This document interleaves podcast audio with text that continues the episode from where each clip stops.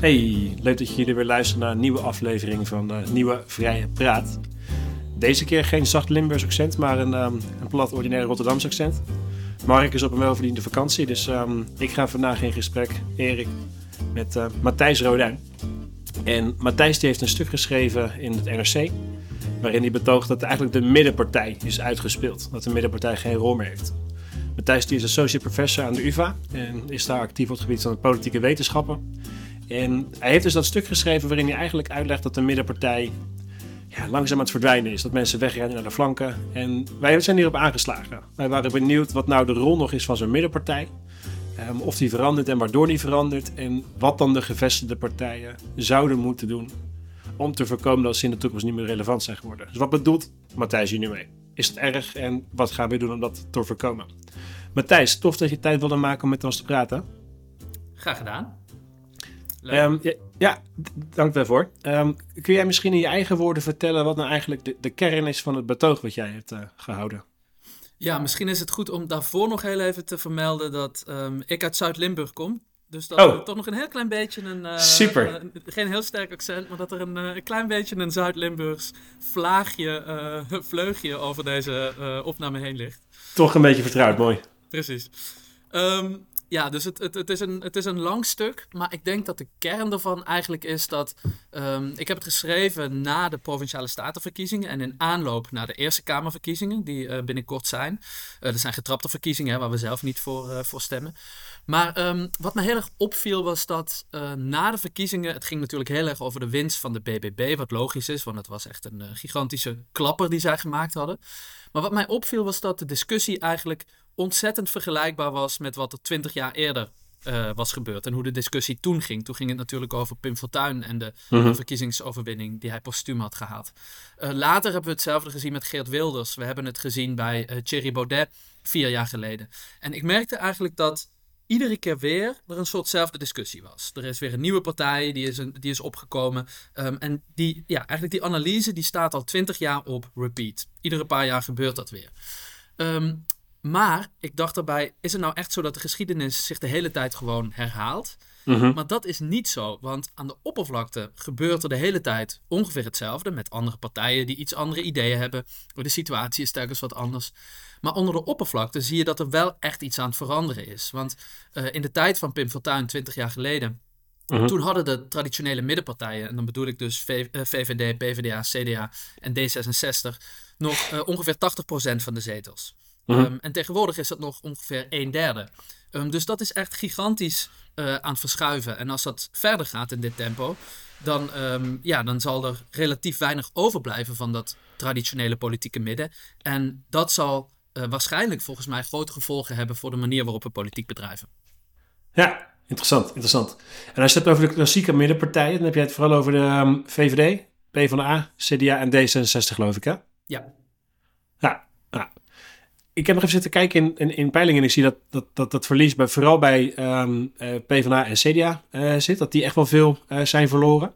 Um, ik zie ook dat er partijen zijn opgekomen, um, laten we Volt noemen, noem maar op, die je misschien ook als middenpartij zou kunnen definiëren.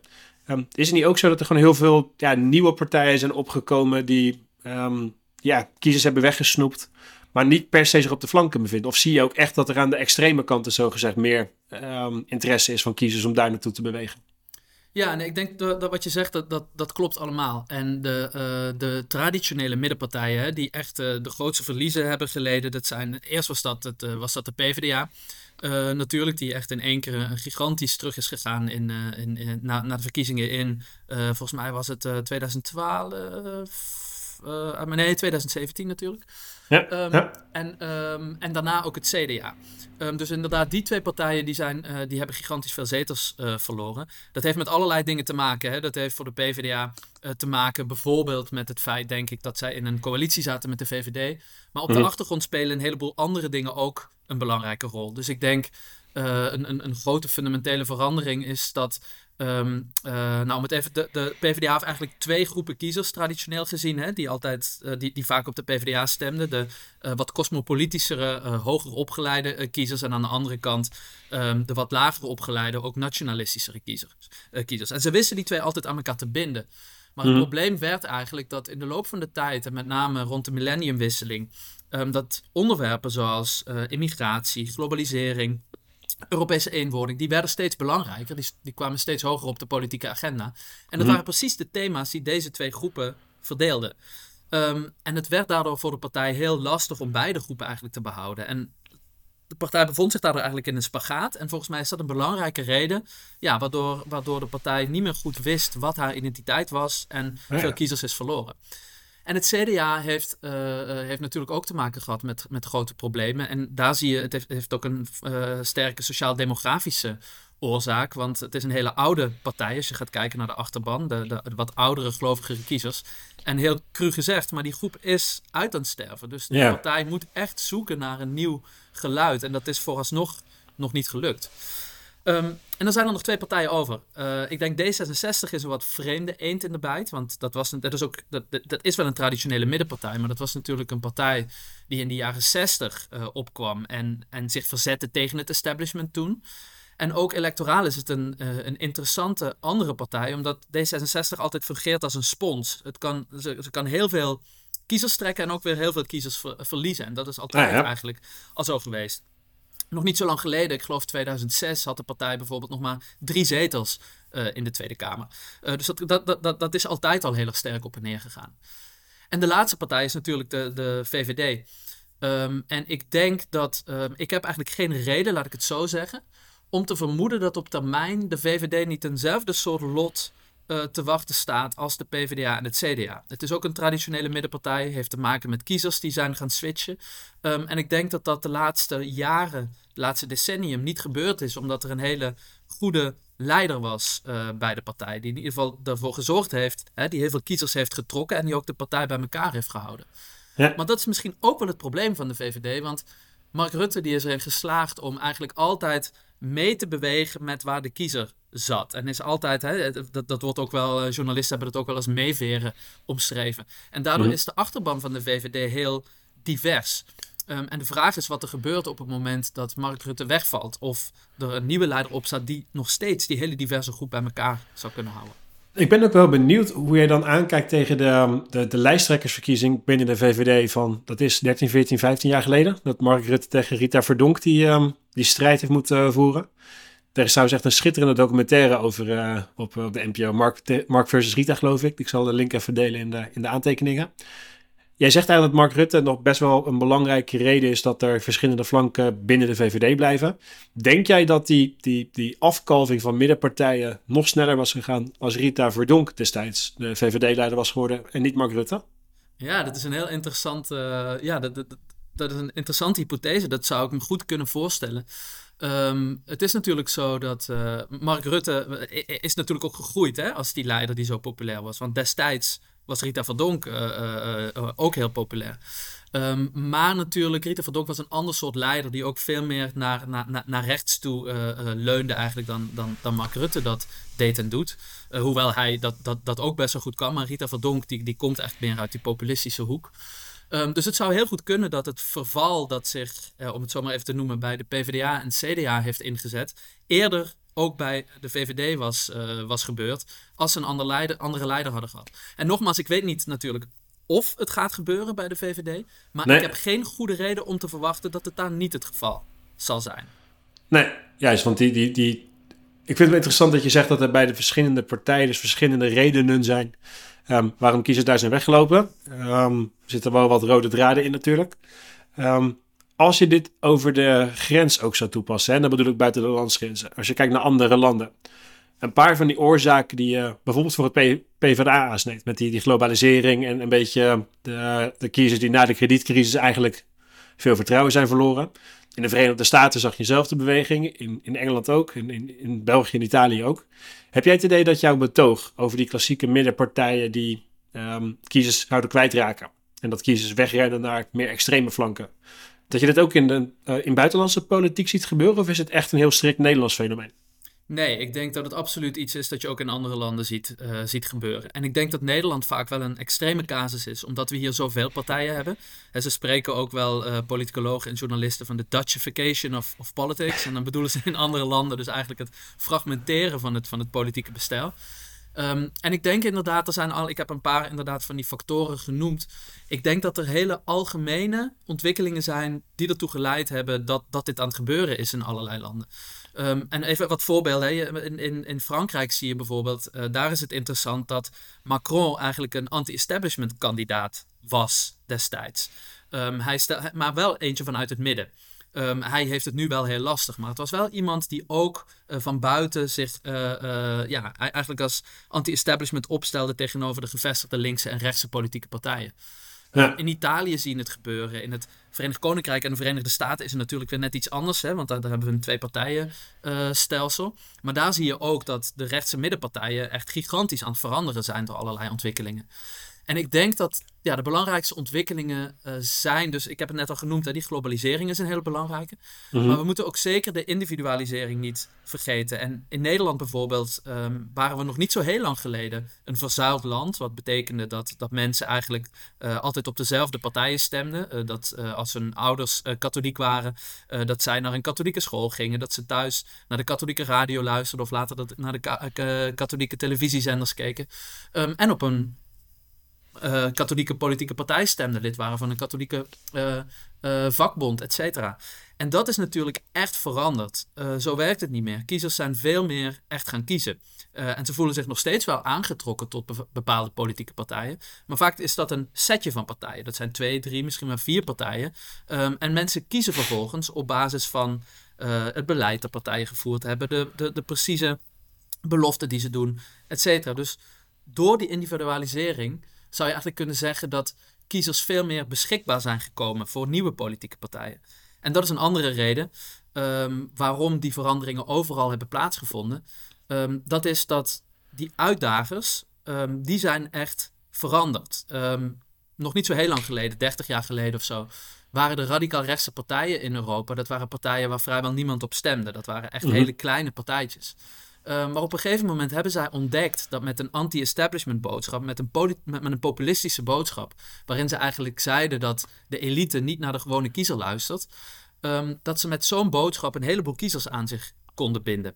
En toen ze dat ontdekten, zie je ook eigenlijk dat langzaamaan partijen zoals het Front National in Frankrijk, um, uh, bijvoorbeeld, of het Vlaams Belang in België, dat die die populistische boodschap zijn gaan omarmen en dat ze steeds populairder zijn geworden. En dat andere populistische partijen dat ook weer zijn gaan zien en dat weer zijn gaan kopiëren.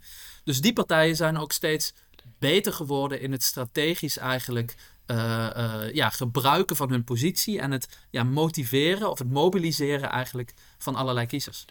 Daar heb ik wel een vraag over. Hè? Want je geeft denk ik terecht aan dat er op een gegeven moment uitdagingen zijn ten opzichte van de gevestigde partijen. En die zullen misschien wat extremere standpunten dan de gevestigde partijen moeten neerzetten. Om uh, op te vallen, om relevant te blijven, om, om, om mensen naar zich toe te trekken. Maar op een gegeven moment gaan ook die uitdagers, die gaan op een gegeven moment hun allure uh, kwijtraken. Uh, van, van, van trots op Nederland, van Rita Verdonk hoor je nu niks meer. Uh, Forum voor Democratie is natuurlijk gedecimeerd. Um, is het nu zo dat, dat er steeds weer nieuwe uitdagers zijn die ook steeds weer extremer en radicaler moeten worden om mensen naar zich toe te trekken? Of gaat het op een gegeven moment zichzelf dan weer corrigeren? Dat mensen juist, bijvoorbeeld Ja 21 profileert zichzelf echt als een partij die het redelijke alternatief op rechts is. Um, gaat de beweging radicaler en radicaler of corrigeert zichzelf op enig moment weer? Ja, ik denk dat het. Uh, um, ja, en ik denk dat Nederland ook hier weer een interessant voorbeeld is. Ik denk dat het allebei gebeurt. Maar ik denk dat de netto, dat netto het er daartoe, toe, da, daardoor leidt dat het radicaler wordt.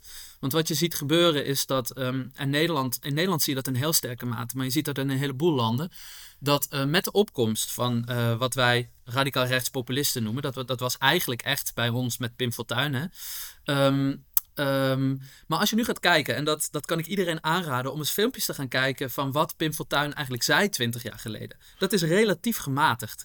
Um, dat is echt niet zo radicaal als uh, Wilders of Thierry Baudet vandaag de dag. Dus je ziet dat in de loop van de jaren dat eigenlijk um, de radicaal-rechtse partijen steeds radicaler zijn geworden. Geert Wilders zelf is steeds radicaler geworden. Daarna kwam Forum voor Democratie op, nog maar uh, een paar jaar geleden. Maar het idee was daar ook eerst dat Baudet misschien wel eens dat gematigde uh, alternatief op rechts zou kunnen zijn. En dat is natuurlijk niet gebeurd. Hij heeft zich juist ontpopt tot een hele radicaal uh, rechtse politicus.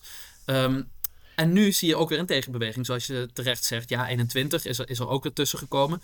Ehm, die, die zich inderdaad nu weer profileert als dat uh, respectabele, dat meer gematigde uh, geluid rechts van de VVD. Maar uiteindelijk wat je ziet, is dat dat hele blok, eigenlijk noem het even het blok rechts van de VVD, um, ja, dat daar wel steeds radicalere kanten aan zijn gekomen. Ja. Nu, en ik denk bij de laatste verkiezingen dat dat heel interessant is. Um, met de winst van de BBB wordt, het heel interessant, wordt de vraag heel interessant wat er met dat blok gaat gebeuren. Want Forum voor Democratie heeft het gigantisch naar rechts uh, opgetrokken. Maar het zou kunnen dat de BBB het, het, het, toch weer een stuk richting het midden gaat brengen. Maar dat is wel iets dat nog moet gaan blijken. Het is nog een jonge partij en we weten gewoon nog niet precies hoe zij zich zullen gaan ontwikkelen. Nee, misschien iets ze ook nog aan het uitvinden zijn terwijl ze bezig zijn. Op een gegeven moment dat, mevrouw van der Plas inderdaad iets gezegd over haar, haar, steun aan Zelensky of over hoe daarmee om moesten gaan. Ja. Um, die, voor mij schrok hij een beetje van de reactie. En dan zie je inderdaad dat een, een, partij dan toch weer een beetje terugbeweegt naar van oh wacht even, dit, dit valt niet zo lekker. Misschien dat we dan toch wat um, gematigder op dat specifieke onderwerp moeten zijn. Ja. Ik, eh, ik heb nog een vraag over jouw um, um, betoog waarin je eigenlijk schrijft dat die klassieke middenpartijen, als ze dit hadden willen voorkomen, dus als ze hadden willen voorkomen dat kiezers bij ze weg zouden uh, rennen, eigenlijk richting dus die radicale uitdagers, dat ze hadden moeten vernieuwen, schrijf je. En ik was benieuwd in, in welke zin hadden die um, ja, klassieke middenpartijen zich dan moeten vernieuwen. Gaat het dan om beleidsideeën of om de ideologie die ze opnieuw moeten uitvinden, of gewoon zoveel mogelijk nieuwe mensen daar maar in laten komen? Wat is de manier waarop zo'n klassieke middenpartij moet blijven vernieuwen? Ja, ik denk dat er een aantal, een aantal punten zijn. Kijk, qua, qua concrete standpunten zie je natuurlijk best wel wat vernieuwing. Um, qua uh, politici ook, niet bij alle partijen, maar, maar dat, dat, dat, dat, is natuurlijk altijd lastig, want je wil ervaren politici hebben en je wil nieuwe geluiden hebben. Ik denk dat, voornaam, dat er eigenlijk vooral op twee vlakken, zou ik zeggen, de vernieuwing uh, zou moeten zijn. De eerste is inderdaad ideologisch. Um, een ideologie zou je misschien kunnen zien uh, als een verhaal over um, hoe de samenleving er nu uitziet, hoe de samenleving eruit zou moeten zien. En hoe je hè, van het nu naar dat die ideale samenleving zou moeten komen. Dus die drie componenten. Um, en de samenleving verandert natuurlijk. Dus per definitie zou die, de invulling van die ideologie ook moeten veranderen. En ik denk dat een heleboel, uh, uh, dat de meeste traditionele middenpartijen dat niet heel scherp uh, hebben gehad. En dat zij te weinig die ideologie eigenlijk hebben aangepast op de uitdagingen van vandaag de dag. En dan denk ik aan de grote nieuwe uitdagingen, hè, zoals, um, zoals die globalisering, dat is alweer van een tijdje geleden, maar neem nou klimaatverandering, wat natuurlijk een heel belangrijk issue is, of misschien groene issues, uh, wat breder gezien in het algemeen. Um, en ik denk dat die partijen ideologisch gezien ja, ze, ze zijn het wel aan het proberen hoor, een heleboel partijen. Er zijn allerlei visiestukken uh, van, uh, zowel bij CDA's, bij de VVD'ers, bij PvdA.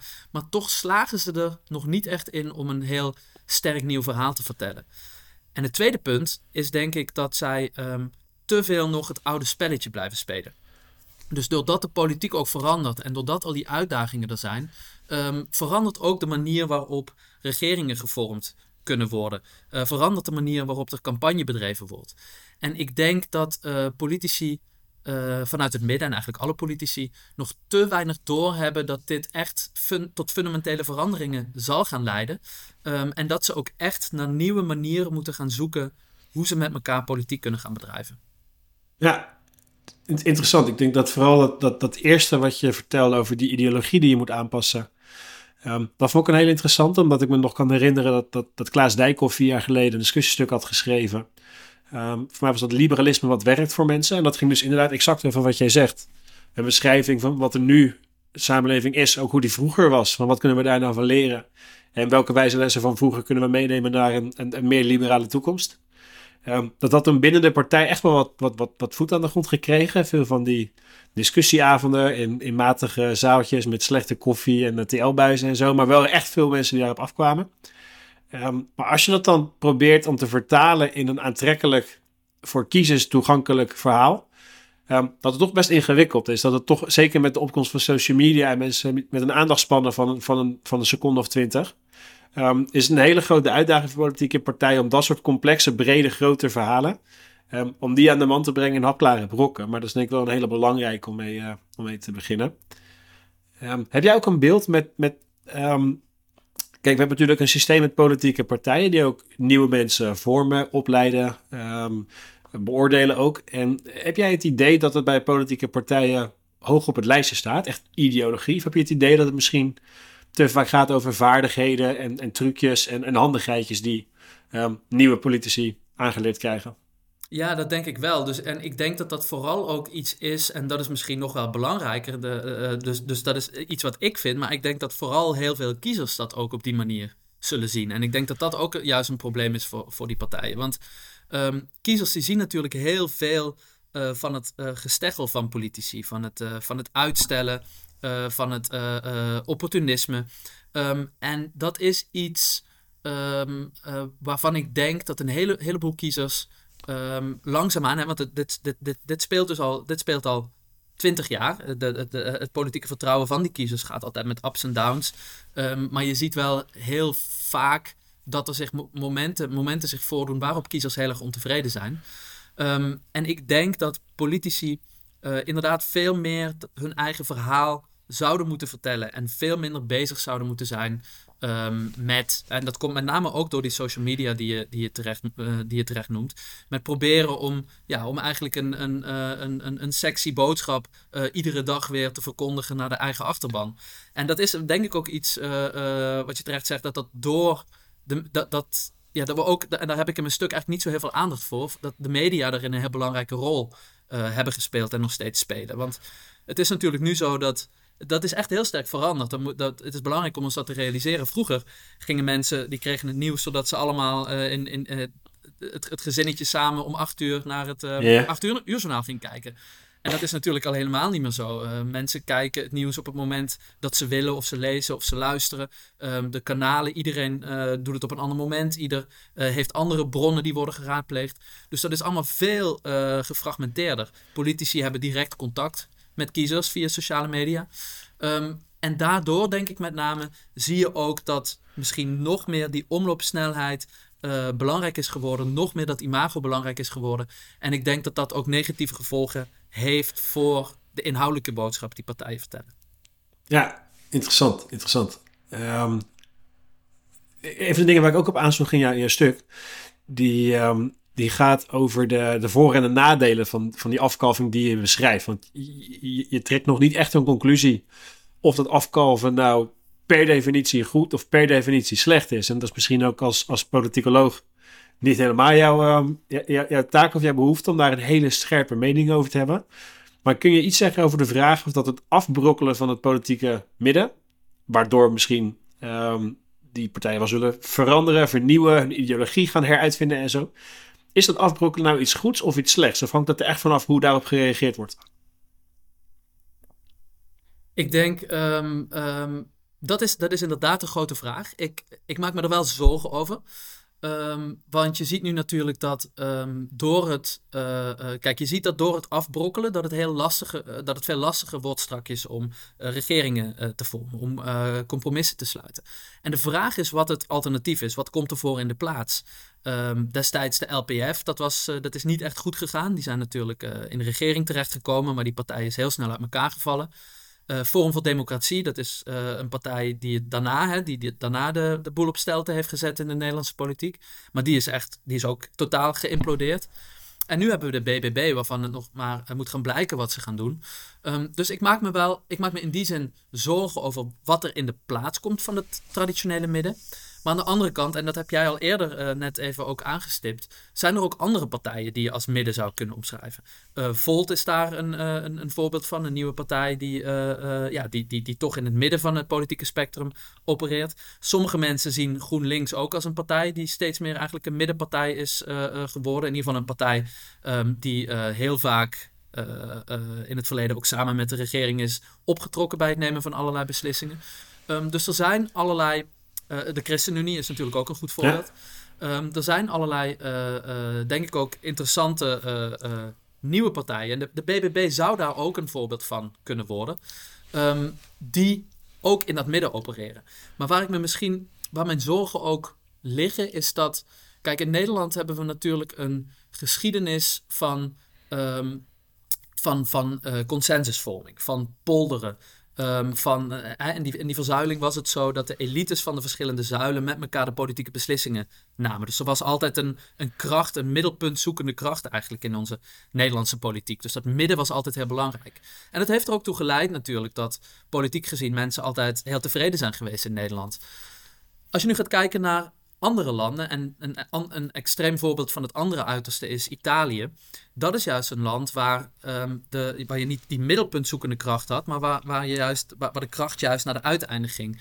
Uh, want daar had je, heb je traditioneel gezien uh, heb je de extreem linkse partijen, de communisten die het altijd goed hebben gedaan. En de fascisten op extreem rechts die het goed hebben gedaan. Dus die waren mhm. altijd heel erg invloedrijk. Dus die krachten gingen niet zozeer naar binnen toe, maar gingen meer naar buiten toe. Ehm, en dat is iets uh, wat in Italië voor heel veel onvrede altijd uh, gezorgd heeft, voor een heel instabiel politiek systeem. Um, en mijn zorg is een beetje dat in Nederland, dat we in Nederland toegaan steeds meer naar een stelsel waarin die krachten naar buiten gaan. Juist omdat op de flanken de partijen succesvoller zijn geworden. Op links uh, is dat niet zo heel sterk het geval, omdat de SP op dit moment het niet heel goed doet. Maar er zijn natuurlijk ook best wel wat krachten op links. Um, maar mijn zorgen zijn vooral op het moment dat, ehm, dat de krachten naar buiten toe gaan. Dan wordt het veel lastiger om compromissen te sluiten. En dat is denk ik wel iets dat essentieel is in de Nederlandse politiek, maar ook in de politiek in het algemeen. Interessant. Ik denk dat je een hele heldere analyse geeft van, van, van, van de risico's van, van die versplintering. Um, welke kant dat op kan gaan. Ik denk dat het Italiaanse scenario niet, niet is waar we naartoe willen gaan als land wat daar toch een goede geschiedenis heeft en in de boel een beetje ja, met goede vrede bij elkaar houden. Ik denk dat je nu al bewegingen ziet de verkeerde kant op. Um, en ik denk dat je een hele heldere um, voorzet doet aan, aan klassieke middenpartijen wat ze zouden moeten doen uh, om dat te voorkomen. Ik denk dat dat ook een beetje past bij de missie van wat de nieuwe vrije eeuw eigenlijk doet. Namelijk kijken um, hoe je het liberalisme nou eigenlijk ja, kan, kan, kan beetpakken. Even alle stoelen uit het raam kan gooien en dan opnieuw neer kan zetten om te kijken hoe je dat nou voor de 21ste eeuw kan laten werken. Ik denk dat dit, door jouw verhaal, door jouw betoog daar nog wat uh, gemotiveerder ben geworden. Dus voor jou, Matthijs, heel erg bedankt voor, jou, uh, voor jouw mooie stuk. Ik zou ook daar een link naar, um, naar plaatsen in de, in de show notes. Uh, Matthijs Rodan, heel erg bedankt voor je tijd. En ik wil ook iedereen bedanken die geluisterd heeft. Um, vergeet niet om eventjes een, een, beoordeling achter te laten. Om de show te volgen waar je de podcast luistert. En uh, vertel anders nog iemand in je omgeving dat deze aflevering heel sterk was. En dat ze echt naar de nieuwe vrije praat moeten luisteren. Matthijs, dankjewel. Tot ziens. Graag gedaan. Dank jou.